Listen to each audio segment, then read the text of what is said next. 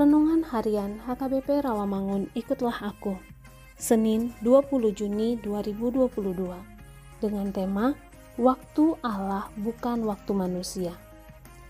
Bacaan kita pada pagi hari ini diambil dari Injil Matius pasal 11 ayat 25 sampai dengan ayat 30 dan bacaan kita untuk malam hari ini diambil dari Mazmur pasal 44 ayat 21 sampai dengan ayat 27 dan kebenaran firman Tuhan untuk kita pada hari ini diambil dari 2 Petrus pasal 3 ayat 9 dengan bunyi Tuhan tidak lalai menepati janjinya.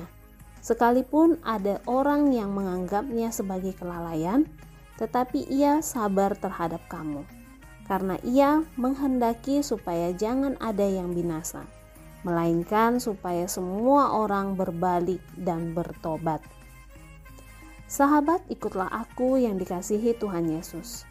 Kebodohan orang-orang yang tidak percaya adalah menganggap bahwa kedatangan Tuhan Yesus yang kedua tertunda dan mengatakan bahwa penundaan itu membuktikan ketidakbenaran firman Tuhan. Haruskah orang beriman memiliki pola pikir yang sama? Orang beriman harus tahu bahwa Allah tidak menunda kedatangannya kedua. Perbedaan pandangan ini didasarkan pada cara Allah menghitung waktu berbeda dengan cara manusia.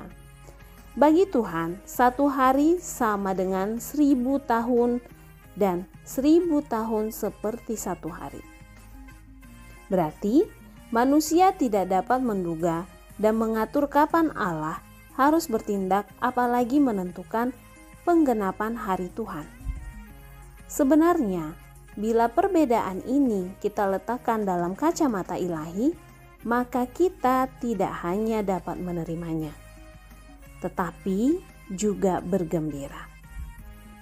Sebab waktu Allah berhubungan dengan supaya semua orang berbalik dan bertobat.